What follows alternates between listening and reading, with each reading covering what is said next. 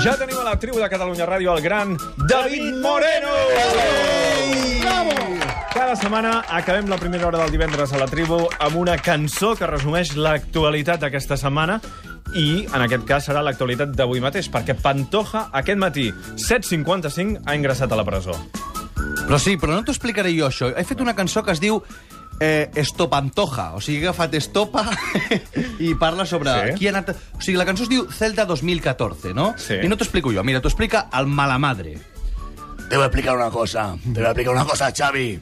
Xavi, que te parto el alma. Se me enamora el alma. Te parto el alma. Cada vez que te oigo en la tribu de Cataluña Radio. Mira, que ha ingresado en, Pam- en la Pantoja en prisión, pero es que allí tenemos a Bárcenas, tenemos a Blesa, tenemos, que no quiero decir nombres que no sean. Sí, exacte. Abra. Alguns potser ja n'hi ha, Tenemos però- a Mata. Molt bé. ¿Eh? Va quedar Tenemos clar. a varios. Gràcies, Malamadre. Tenemos a varios. Vale, ya está. Doncs aquest és el Malamadre de Celda 211, però avui tenim la Celda 2014 d'Estopantoja. Doncs vinga, quan vulguis. anem-hi.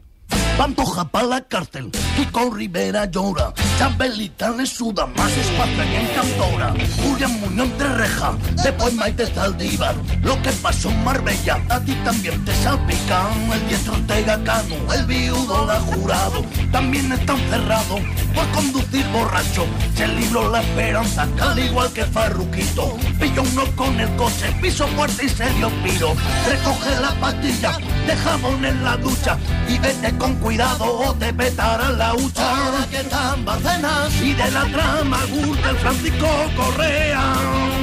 Porque han entrado tres más, el padre hijo Núñez y Miguel Blesa. Jordi Pujol, ¿dónde estás? Don Francisco Granado también es preso. Mata Fabras y aún hay más que pisan el tablero.